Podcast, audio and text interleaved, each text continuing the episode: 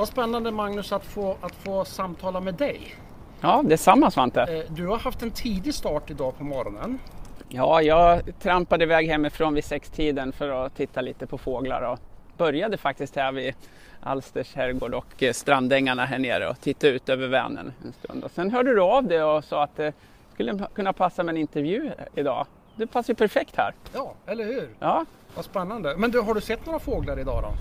Ja eh, det har inte varit någon, någon höjdardag men visst eh, en del, en del fåglar har jag sett. Jag har väl sett någon, eh, några sothöns och lite skäggdoppingar och eh, några krickor och eh, en forsäla som man ofta gör här vid ån och en stenknäck här tillsammans med dig nyss bara för att nämna några. Mm. Wow, wow.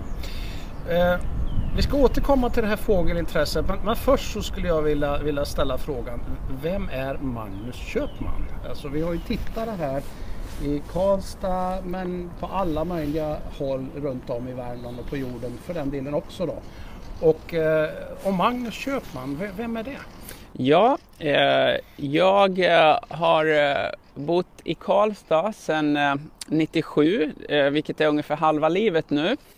Eh, och eh, jag är snart 50 och eh, jobbar som gymnasielärare på Sundsta Älvkull gymnasiet. Jag har jobbat i kommunala gymnasieskolan i snart 21 år och mina ämnen är biologi och miljö och energikunskap och i någon mån har det varit engelska också. Jag är gift med Sara sedan länge och har två söner som är 23 och eh, snart 22. Så de är vuxna nu då. Eh, och eh, jag har ett engagemang sedan 15 år drygt i Korskyrkan i Karlstad. Där känner jag mig väldigt hemma och gör det ena och det andra vad gäller kyrkligt arbete. Men det är på ideell basis. Jag har under en period också jobbat i Korskyrkan som barn och familjepastor. Det var 2005 till 2011.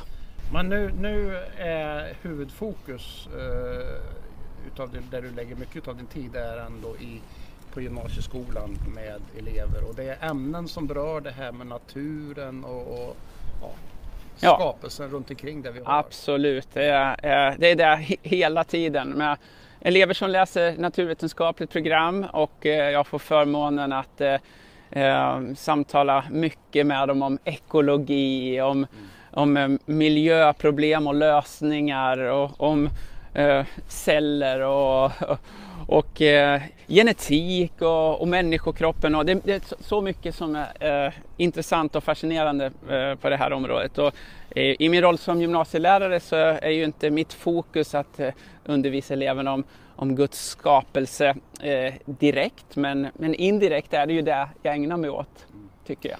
Men du, det här intresset för, för naturen och för alltså, fågelskådning Ja. eh, som en del utav det. Var, var började det? Ja, det började väldigt tidigt. Jag började bläddra i fågelböcker när jag var fem, sex år. Och eh, jag började sen anteckna fåglar jag såg när jag var åtta. Eh, och eh, det här är, är lite svårt att spåra det mer än att jag, jag bara fångades av eh, fåglarna och deras rikedom i, i fågelböcker. Men du, men du när, när, när du liksom tittar på fåglar, vad är det som fascinerar dig? Är det, är det hur de spelar, hur de sjunger eller är det färgen eller vad är det för någonting som Ja. fång, fångar ditt stora intresse? Det som fångar mig med fåglarna det är mångfalden. Och eh, eh, alltså i, i, bara i Sverige har vi ju eh, ungefär 250 olika arter och det finns stora, det finns små, det finns färgglada, det finns eh, gråbruna, tråkfärgade, det finns liksom allt. Plus att de, de har, visar en stor eh, skala, bred skala av beteende. Eh, och inte minst i, i läten, eh, deras sång, eh, deras lockläten. Att, att få, Eh, få lära känna eh, naturen och ge namn på vad man ser och hör. Det var tidigt något som, som tilltalade mig och de, den, den glädjen och fascinationen har jag aldrig släppt. Dessutom så är det så att eh, i och med att fåglar flyger och rör sig över så stora områden så eh, vet man aldrig riktigt vilken sort som ska dyka upp. Mm. Jag, jag, jag är ingen fågelskådare på det sättet som, som du. Mm. Men för någon vecka sedan så, så såg jag en sädesärla, den första sädesärlan för säsongen. Ja. Och, och då stämde det till en tanke och en känsla av förundran. Mm. För jag har ju sett sädesärlor också i Östafrika där jag har jobbat mycket. Mm. Och så vetskapen, oj, nu har den här lilla, lilla, lilla fågeln flugit över halva jorden och kommit tillbaka hit. Ja, det är grymt. Och, och, då ja, men jag fångades av en och uppfylldes av ja. en känsla av fascination. Eh, har du känt fascination? Ja, det gör jag. Eh, jag skulle säga att jag känner fascination och förundran dagligen eh, inför de fenomen som är nedlagda i, i den här världen, i jorden, i livet. Eh, fågelflyttning, eh, det är väl bland det häftigaste som finns då. Eh, just sädesärlan som är ett exempel på en fågel som, som flyttar till, till Afrika på vintern. Eh, den, just den arten, eh, de svenska sädesärlorna flyttar inte ner till Östafrika utan det är, det är andra sädesärlor. Mm. Våra sädesärlor håller sig i Nordafrika och Mellanöstern på vintern. Eh, bara en liten detalj. Men, eh, det, eh, det, det, finns ju många andra fåglar och ännu mindre fåglar än sädesärlan som flyger mycket längre som flyger ner till både centrala och södra Afrika som lövsångaren, vår allra vanligaste fågel. Den väger liksom 8 gram och tar sig fram och tillbaka, kanske ner till Tanzania som du är väl bekant med och spenderar några månader och så tillbaka. Och så kan de göra den här resan kanske fem, sex gånger i livet om de får leva länge för en lövsångare. Helt otroligt. Jag, jag upphör aldrig att eh, fascineras av det här så jag förstår vad du pratar om. Men du, du eh, den här förundran som du, jag uppfattar att du har, du har upplevt och upplever många gånger här. Mm. Eh, vad kommunicerar den till dig? Alltså du, du är ju en naturvetare å ja. ena sidan sett och så är du samtidigt en troende människa. Du pratar om ditt engagemang i Korskyrkan i Karlstad och sådär. Eh, vad kommunicerar den här förundran till dig? För det första kommunicerar den Guds närvaro. Gud är närvarande i, eh, i eh, allt levande. Han är inte allt levande men han finns där med sin, med sin kraft och sin närvaro. Eh, och eh, jag kan, kan se spår av Guds intelligens, Guds smarta lösningar på så många sätt. Eh, till exempel i fåglars flyttning, till exempel i, i växternas fotosyntes där de, där de har ett extremt komplicerat men ändå effektivt sätt att utnyttja solljuset till att bygga in koldioxid genom biokemiska processer. Ja, och det är ju det är bara ett av många exempel på sådana här kontrollerade processer som är nedlagda i, i skapelsen. Och jag, jag ser spår av Guds tanke Guds närvaro och eh, jag blir tacksam. Jag är tacksam att jag får, får vara en del av den här världen och se, lära, eh, beundra och ny, nyfiket forska vidare på, på eh, och veta mer. Vetenskapen har ju tillfört enormt mycket eh, utifrån aspekten att man är nyfiken på att veta mer. Hur fungerar det här i detaljerna? Många av oss ser de breda dragen. Va? Eh, vi, eh, vi kan beundra eh, fåglar och växter och miljöer eh, liksom, i den stora skalan. Det är vackert, det, det är förtjusande på många sätt. Men forskningen går in i, i små detaljer och, och, hittar små komponenter i, i celler som är nödvändiga för att, att eh, både du och jag och andra eh, organismer ska, ska kunna existera. Så mycket sinnrika konstruktioner. DNA-molekylen, vilken, vilken otrolig uppfinning alltså. Den kan kopiera sig själv och innehåller information som, som kan eh, i ett sammanhang producera en liten, en liten bakterie och i ett annat sammanhang producera en, en, en avancerad människa mm. som du. Men du, du, det här är ju fascinerande Magnus, men, men jag, jag anar också att det här, det här kan gå över, över huvudet på, på både mig och en del andra människor också. Aha. Jag skulle vilja återkomma till, till, du har ju varit här, här i Alster. Har du varit nere i fågeltornet idag på morgonen eller? Ja, ja. när jag åker hit så brukar jag som regel börja vid, i fågeltornet för att det är där man lättast ser många arter i de öppna markerna nära du, vatten. Du, när du är ute och tittar på fåglar så här nu då, då, mm. då, då när du ditt intresse och din förundran. Men, men är det här en typ av gudstjänst för dig? Ja, uh, i den bemärkelsen att, att hela mitt liv är, är en gudstjänst. Allt, allt jag gör, uh, allt jag engagerar mig i vill jag ska vara till, till Guds ära på något sätt. Eh, I vissa sammanhang, som ofta med fågelskådning, så kanske det blir eh, också mycket av ett, ett egenintresse. Jag är intresserad av det här, jag tycker det här är väldigt roligt. Eh, men men eh, i andra sammanhang så är det, är det eh, mera socialt och att man vill dela med sig av Ja, i fågelskådarsammanhang kan det vara bara en glädje att dela med sig av kunskap till, till andra. Men eh, jag, jag, gör mycket annat än, än det här. Liksom. Det, det, här är en del av mitt liv som gudstjänst. Ja. Just nu medan vi samtalar här så har jag en hackspett här någonstans. Ja. Vad är det för en hackspett? Det är en större hackspett. Det är vår absolut vanligaste hackspettart och eh, jag, jag hör all, alltid så här års någon, en eller ett par större hackspettar som trummar här i de fina gamla stora träden. Mm. Ja. Men du, om vi skulle ta en hackspett nu då. Mm. Den här hackspetten. Mm. Vad har den för liksom funktion i det stora sammanhanget mer än att liksom fylla oss nu då med lite ljud och, och, och, och eh, så? Vad, vad, vad, det, vad, har den för särfunktion? Ja. Alltså hackspettar har ju, eh, om vi går väldigt specifikt, de, de, de, de har förmågan att, att utnyttja insekter på eh, och småkryp då på trädstammar och hacka fram eh, och utnyttja mat och, blir en del av en, natur, en näringskedja där som eh, de fyller en, en, en roll i, i näringskedjan, i det ekologiska samspelet. Och en kanske tydligare funktion är att de är väldigt duktiga på att hacka ut hål mm. till bon åt sig själva först. Men de hackar ut eh, bohål en gång per år.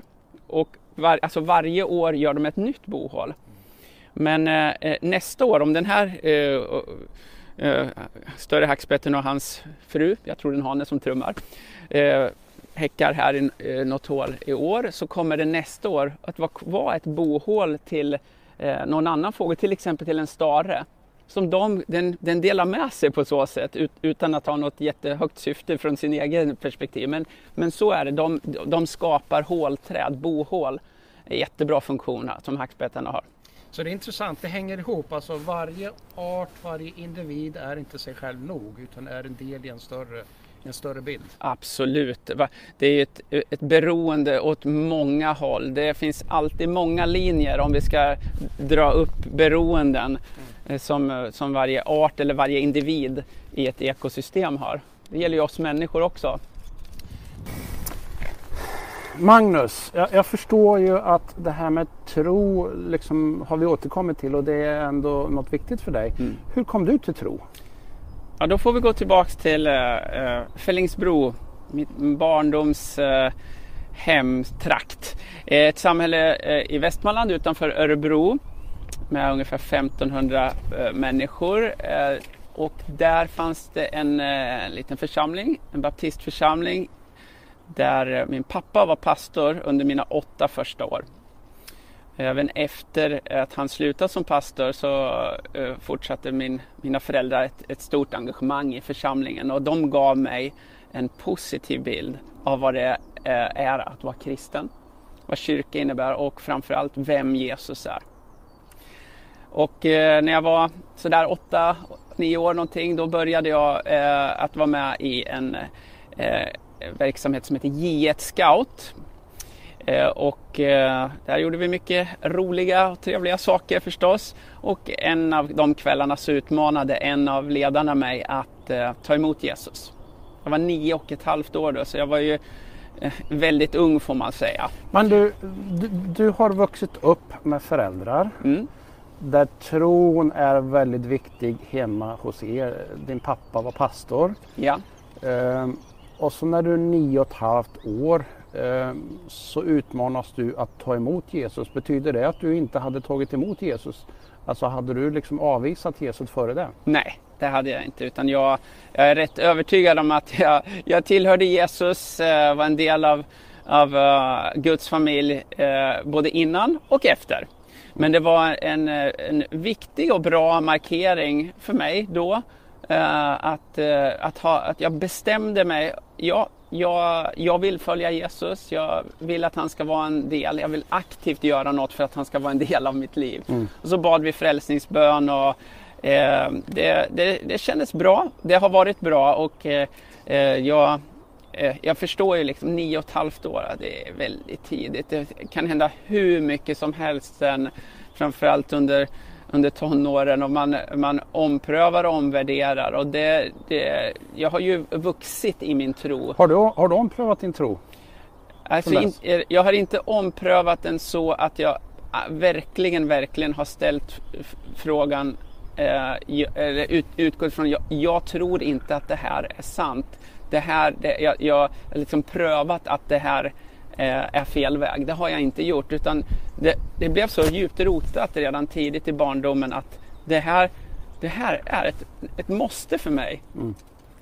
Herre, till vem skulle jag gå? Och för att citera en av lärjungarna.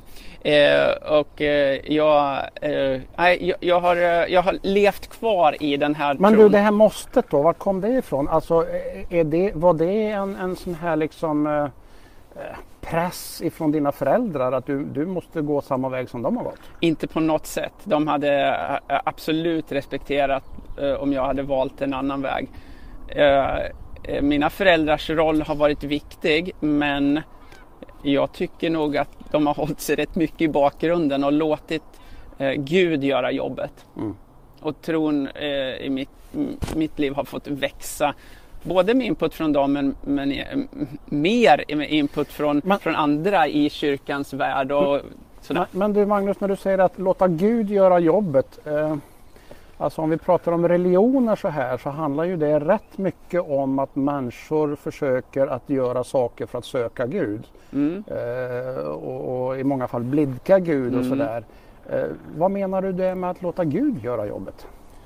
Ja, alltså det, eh, det har att göra med att jag, att jag, jag tänker att, att kristen tro handlar om att lägga sitt liv i Guds hand och låta honom eh, forma mig, leda mig, överlåta min dag och min morgondag eh, till honom. Jag, eh, jag kan inte prestera eh, eh tillräckligt för att, för att eh, allt ska bli perfekt. Eh, eller, eller ens liksom för att göra Gud tillfredsställd. Det har aldrig hand, handlat om det för mig.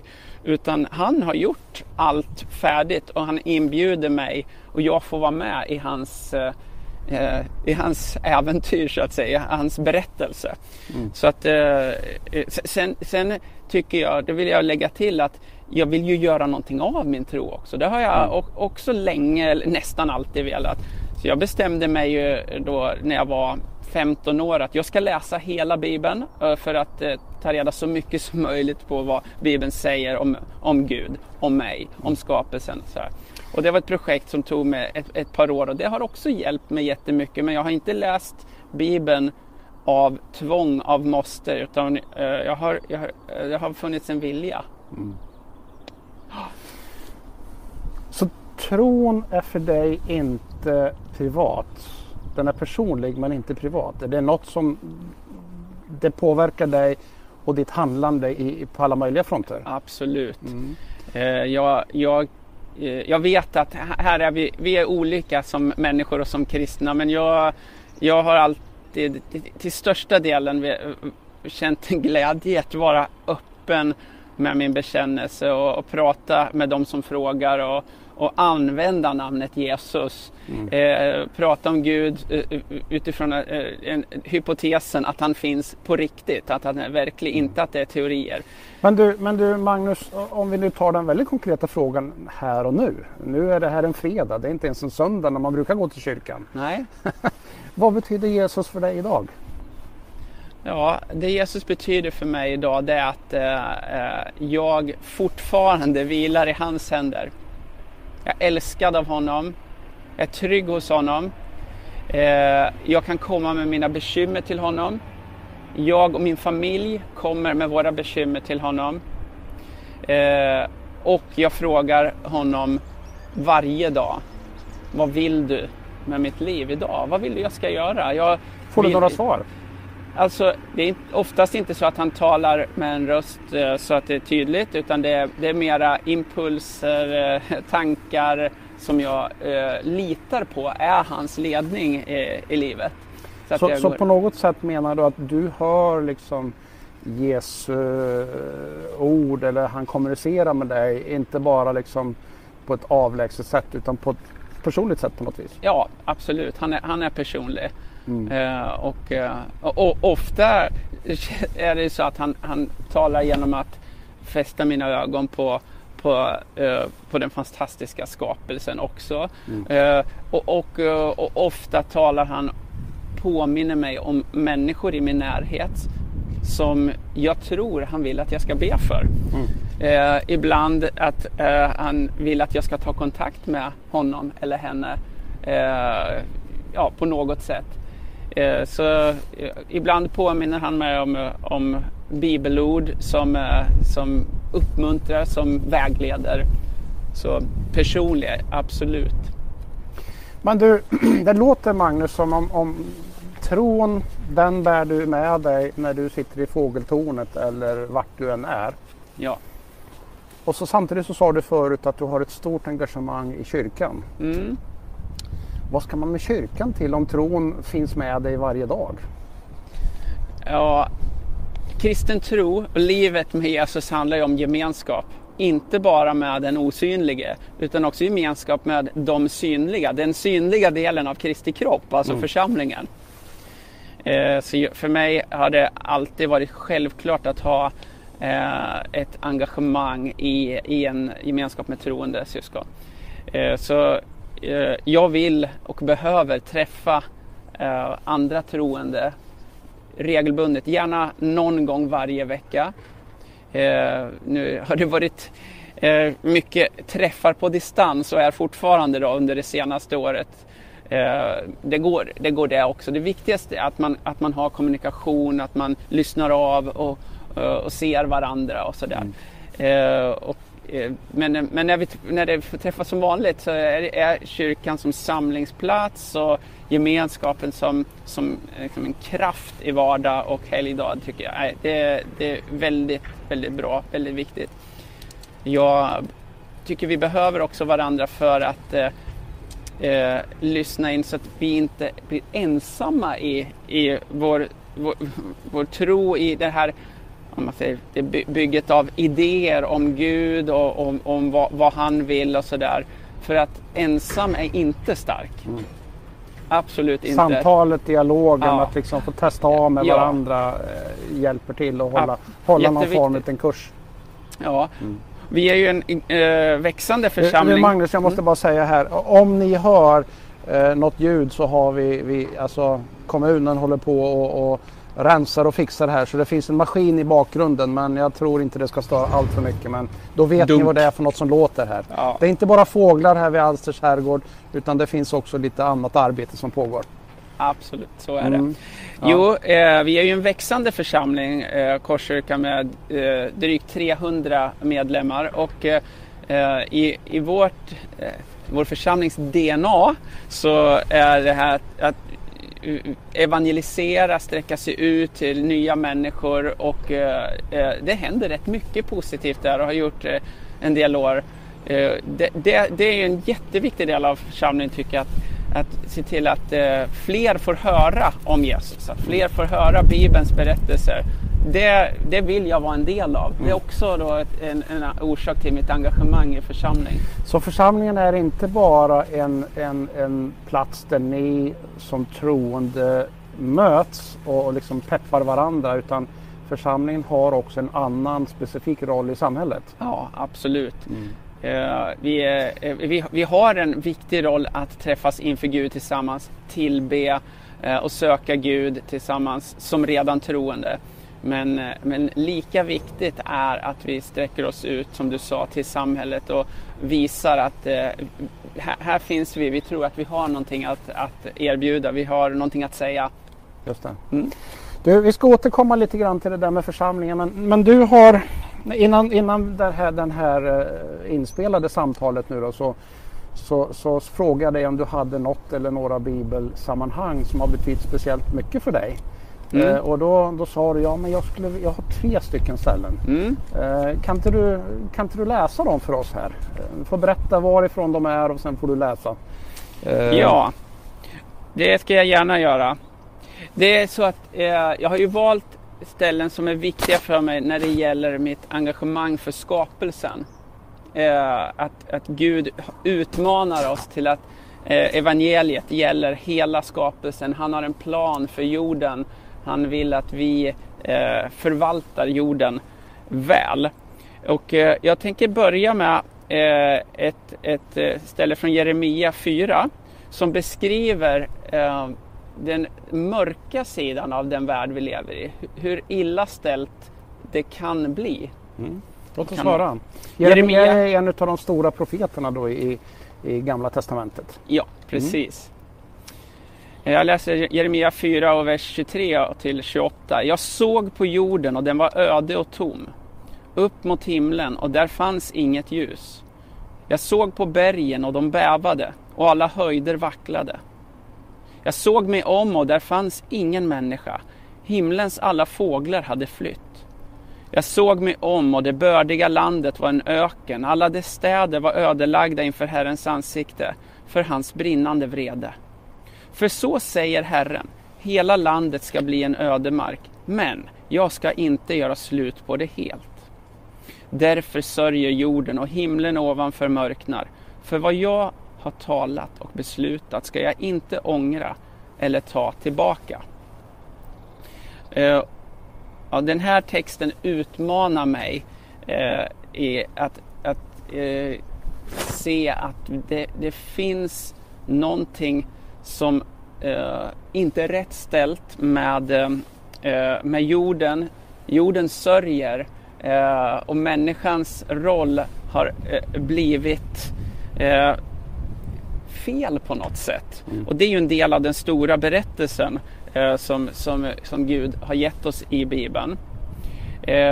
Och, orsaken till att det här felet blir det, det, det hämtas som regel ifrån det som Bibeln kallar för syndafallet eller det som gick snett ja, efter skapelsen som i början var fantastiskt god. ja.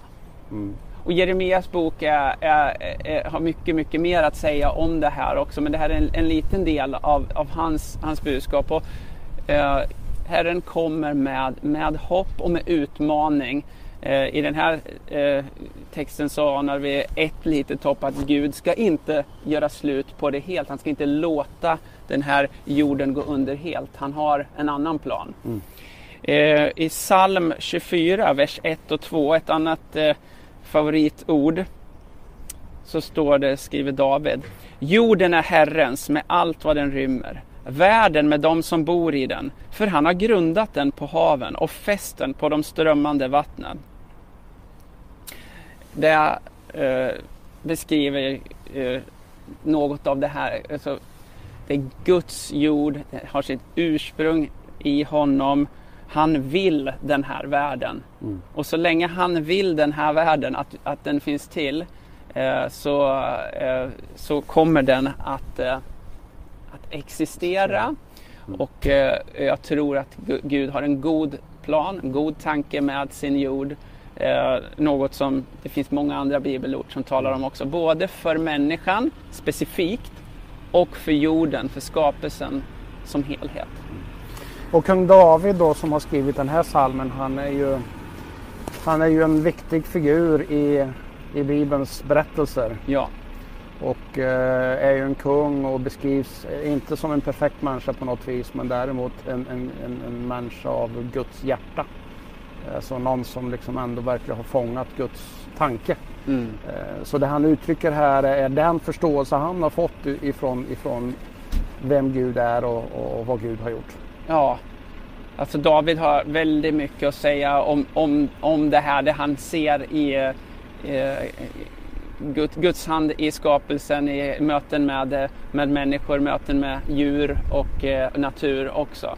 Mm. Så att, och, att bekräfta det, det och da, David han växte ju upp, han var ju en her, herdapojke från mm. början. Så han, var ju, han levde ju hela dagen ute i, ute i naturen.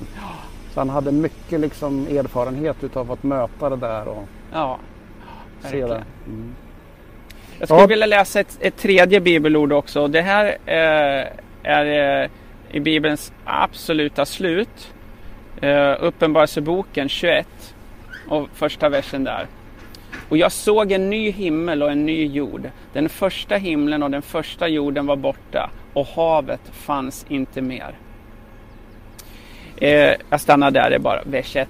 Och, eh, jag är så tacksam att, att Gud har lovat en, eh, en framtid eh, oavsett hur illa ställt eh, det blir med den här världen så kommer han att eh, ge oss en ny himmel och en ny jord. Och jag är övertygad om att det betyder att han kommer att förnya den redan existerande jorden. Eh, det är eh, den bild jag ser framför mig och då får vi en, en, en ny värld där inte alla himlens fåglar flyr. Där mm. inte jorden längre sörjer utan där det är glädje, kärlek och hopp. Mm. Det är oljud just nu. ja, ja, precis. Eh, men, men, du Magnus, är det, är det på något vis återskapandet utav det Gud från början gjorde enligt skapelseberättelsen som han uttrycker gång på gång på ja, gång på gång? Absolut. Det var gott. Ja. Är det en återskapande utav det? Det är ett återskapande uh, och den, denna gång är det kommer det att vara ännu mer hållbart eller mer hållbart än, än uh, den, den ursprungsskapelsen. Men du Magnus, då, då, måste jag komma till en fråga som jag hör, hör och läser och, och uppfattar att det, det liksom är en liten... Ja, det finns lite olika åsikter ja. om det här. Alltså, jag förstår att du är väldigt passionerad, fascinerad och engagerad för miljön och hållbart tänkande så. Mm. Eh, så finns det de då som menar att allting är förutbestämt utav Gud så jag kan inte påverka någonting. Så att jag mm. liksom surfar med och lever och gör, gör, så som jag vill och det passar. Ja. Eh, vad tänker du när, när, du när du möter de tankarna?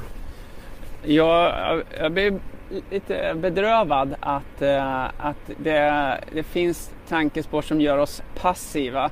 Som gör att vi äh, inte lever nu utan äh, försöker leva i en, en, en evighet, en, en ny värld bortom det här och, och, och därmed inte tar ansvar för vad Gud har kallat oss till att göra just nu.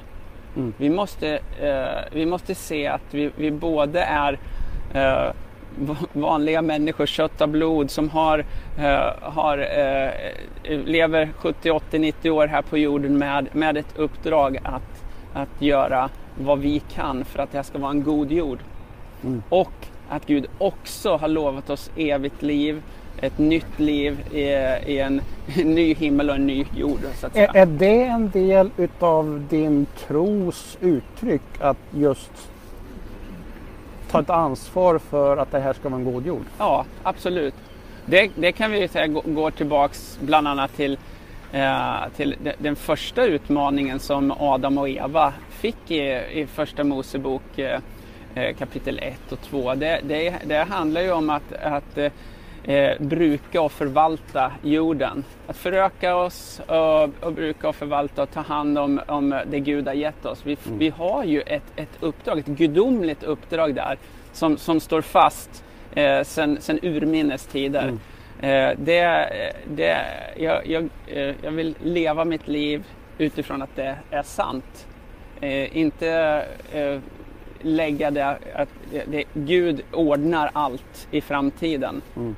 Nej, det finns problem här och nu som du och jag Svante är kallade till att, att göra vad vi kan för att eh, lindra problem, hitta lösningar och då menar jag både på miljöplanet och, och på det sociala planet, mänskliga relationer, mm. eh, välfärd, eh, bekämpa fattigdom och så vidare.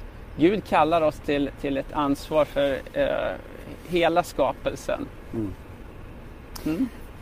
Jag uppfattar ju att du själv är uppfylld av den här tanken och, och, vi har ju mötts i lite andra sammanhang och, och, pratat. Och för dig är det här ett stort engagemang men du har tagit det bortom för det också. Du, du är involverad i någonting, ett nätverk här i Karlstad, Värmland, trakten som, som eh, kallas för Grön kyrka. Berätta om det. Ja, eh, för ett par år sedan så hade liksom mitt intresse för eh, klimat och hållbarhet vuxit så att jag kände att jag kan inte skilja på det här helt och hållet från liksom mitt kyrkliga engagemang och mitt engagemang för, för miljö och naturvård så att säga.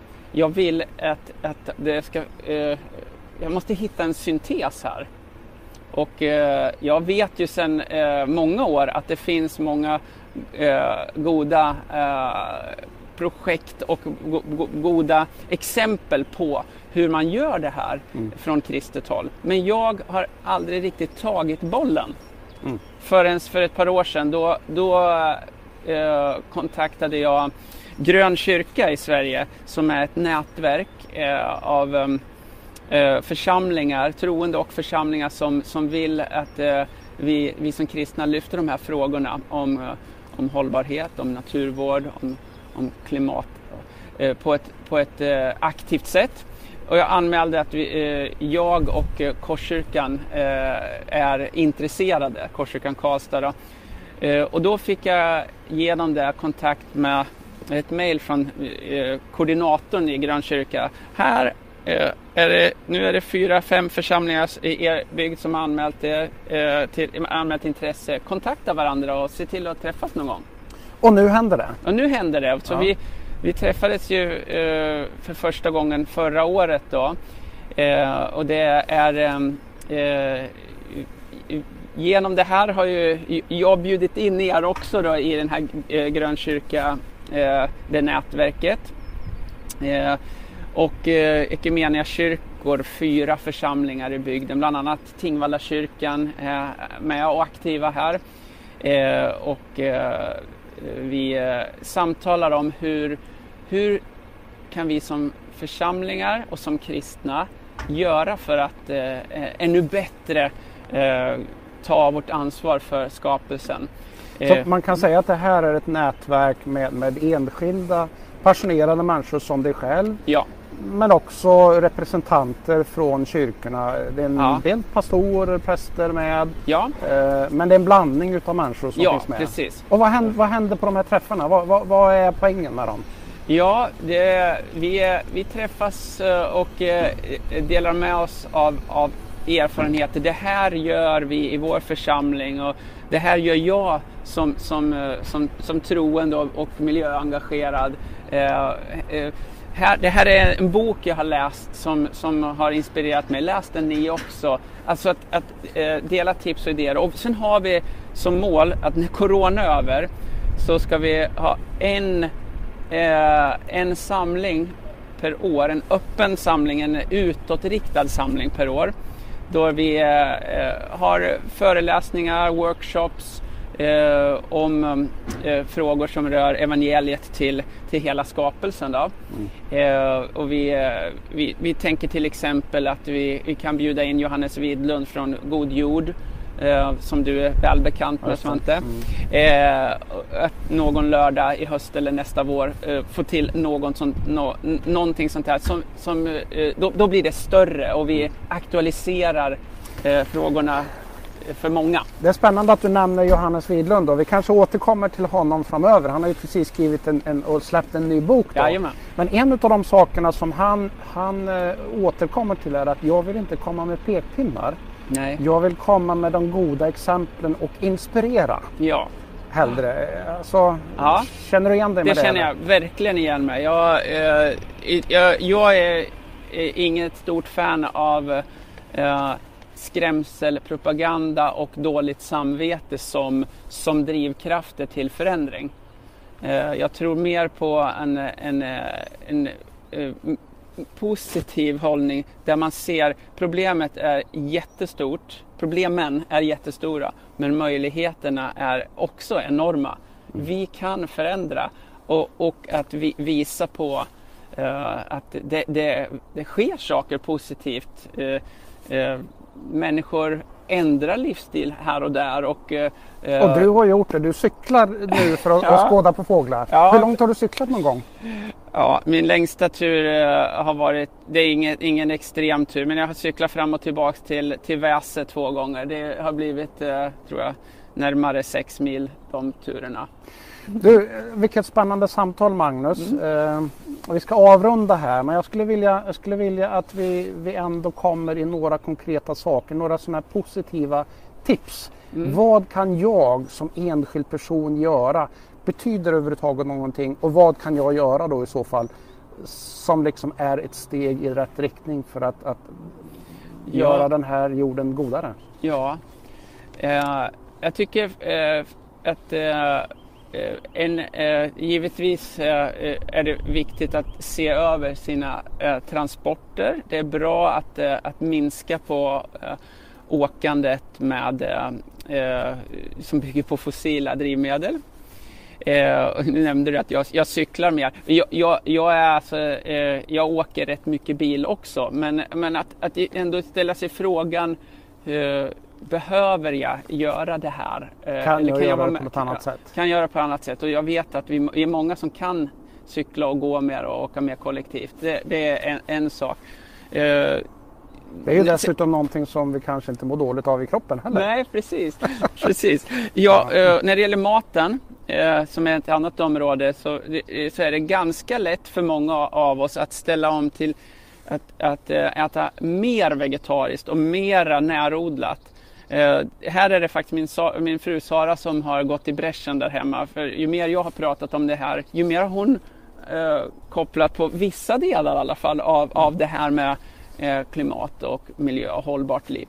Så att eh, vi, eh, vi äter eh, mycket mer vegetariskt nu än vad vi gjorde för, för några år sedan. Eh, ut, utan att bli eh, eh, vegetarianer. Jag, jag tycker det är gott med kött emellanåt också. Men att, att, eh, alltså, att tänka att allt vi gör ska vara mer måttligt.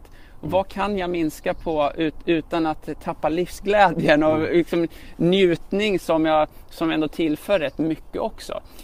Eh, sen tycker jag att man ska se över vad man gör med sina pengar. För väldigt många av oss har väldigt mycket pengar i Sverige. Eh, och vi kan eh, vara med och ge till eh, eh, organisationer som eh, jobbar för social hållbarhet, för eh, ekologisk hållbarhet. Att ge riktat till, till eh, liksom understödja goda, goda satsningar. Eh, så det, det är bara no- några exempel. Några konkreta. Mm. Det finns mycket mer att säga om det där. Jag blir påmind om Magnus, eh, jag tror att det är i Romarbrevet så, så säger Paulus så här att Jesu uppdrag eller Guds tanke är att försona allt med sig själv genom Jesus Kristus. Och, eh, och jag, ja, men jag, jag kan inte låta bli att tänka det måste innebära att han inte bara ska försona människor med sig själv utan hela skapelsen. Ja. Allt. Och, och all, det där bibelordet får ju eh, en mycket större betydelse om vi också ser att andra bibelord säger att allt är lagt under förgängelsen. Det finns någonting destruktivt eh, som, som har tagit sig in och påverkat både människor och miljö och eh, men hela tillvaron.